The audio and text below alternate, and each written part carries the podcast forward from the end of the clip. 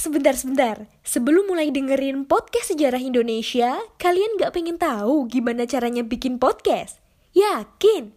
Gak susah kok. Coba deh download Anchor Podcast. 100% mudah, 100% gratis.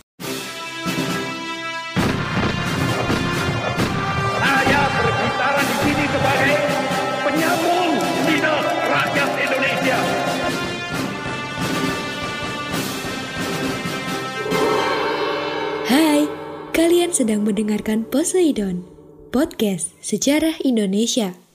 Ngomongin masa lalu dengan gaya masa kini.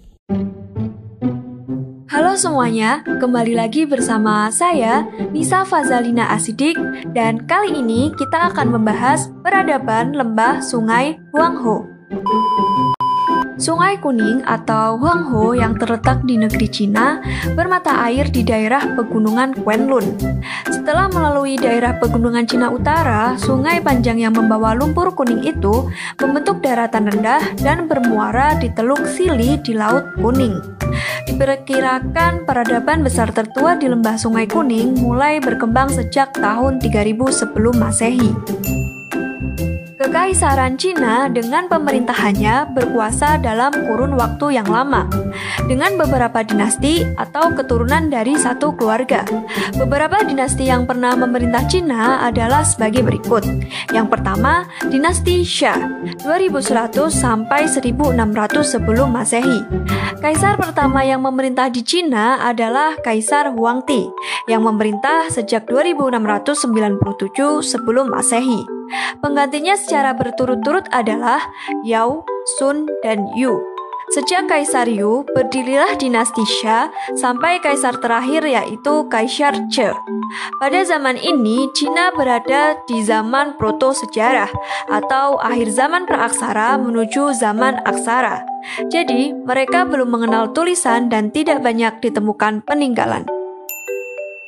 Yang kedua adalah dinasti Sheng 1766 sampai 1222 sebelum Masehi. Catatan tertua sejarah China berasal dari dinasti Sheng. Sumber sejarah dinasti Sheng tertulis di atas bejana-bejana, perunggu, tempurung, kura-kura, dan tulang-tulang binatang. Mereka sudah mengenal tulisan piktograf atau tulisan gambar yang penulisan sejarahnya dilakukan oleh Suma Shen. Nah, berakhirnya dinasti Shang dihancurkan oleh bangsa Zhou yang menguasai wilayah Cina bagian barat di lembah sungai Yangtze-Kiang pada tahun 1122 sebelum Masehi. Yang ketiga adalah dinasti Zhou 1066 sampai 221 sebelum Masehi. Pendiri dinasti Zhou adalah Zhou Wuwang dengan ibu kotanya di Kaingen.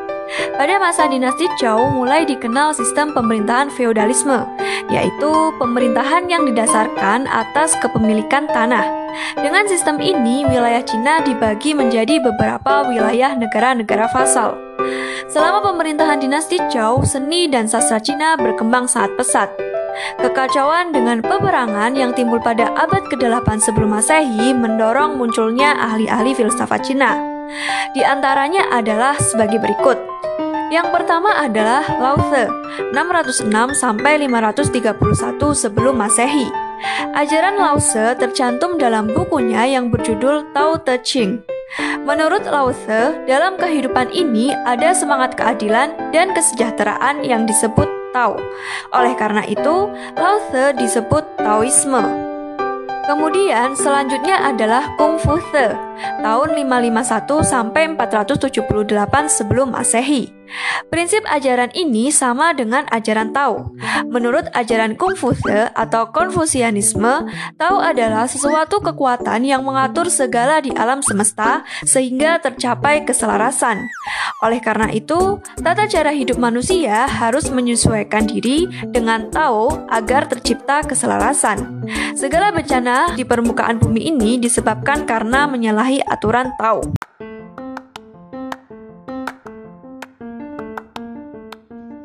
Halo Sobat Poseidon, kalian pasti sudah tidak asing lagi dengan Anchor. Yap, aplikasi penyedia jasa untuk para podcaster pemula dan juga pro.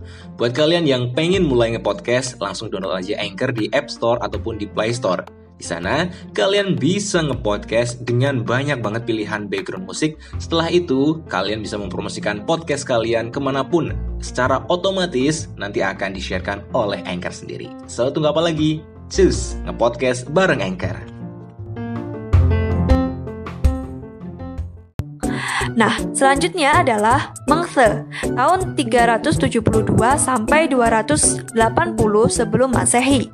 Mengse adalah seorang murid Konfuse. Ajaran ini bernama Mencius dan bertentangan dengan Konfusianisme. Konfuse mengutamakan kalangan istana, sedangkan Mengse mengutamakan ajarannya kepada rakyat biasa. Menurut Mengse, rakyatlah yang terpenting. Apabila raja berbuat sewenang-wenang, maka tugas para menteri memperingkatkannya. Oleh karena itu, Mengse dianggap sebagai peletak dasar demokrasi di Cina. Selanjutnya, keinginan raja-raja vasal untuk melepaskan diri dan memberontak pada masa-masa akhir dinasti Zhou, hal ini menimbulkan peperangan berkepanjangan, sehingga dinasti Zhou melemah dan digantikan oleh dinasti Chen. Yang keempat adalah dinasti Chen tahun 221 sampai 206 sebelum Masehi. Dinasti ini beribu kota di Hantan dan raja terbesarnya adalah Shi Huangdi tahun 529 sampai 209. Ia menghapus sistem pemerintahan feodal menjadi sentralistik atau terpusat. Kerajaan ini dibagi menjadi 36 provinsi yang dipimpin oleh seorang gubernur dan bertanggung jawab kepada kaisar. Oleh karena itu, ia memerintahkan untuk membuat jalan-jalan besar yang menghubungkan pusat dan daerah. Selanjutnya, untuk mempertahankan negerinya dari serangan bangsa-bangsa padang rumput atau bangsa Mongol dan Xiongnu, ia memerintahkan untuk membangun tembok besar Cina yang panjangnya sekitar 4000 km dengan tinggi 16 meter dan lebar 8 meter. Yang kelima adalah dinasti Han, 206 sampai 220 sebelum Masehi. Pendiri dinasti Han adalah Kaosu, dengan pusat pemerintahnya di Chang'an. Raja terbesar dinasti Han adalah Han Wuti tahun 140 sampai 875 sebelum Masehi dan wilayah kekuasaannya sampai Korea, Manchuria, Annam, Siung-hang, dan Tartar Barat. Dinasti ini juga berhasil membangun jalur sutra di Asia Tengah sehingga menyebabkan hubungan dagang dengan Eropa untuk pertama kalinya dibuka. Han Wuti berusaha menghidupkan kembali sistem feodalisme dan ajaran Taoisme serta Konfusianisme.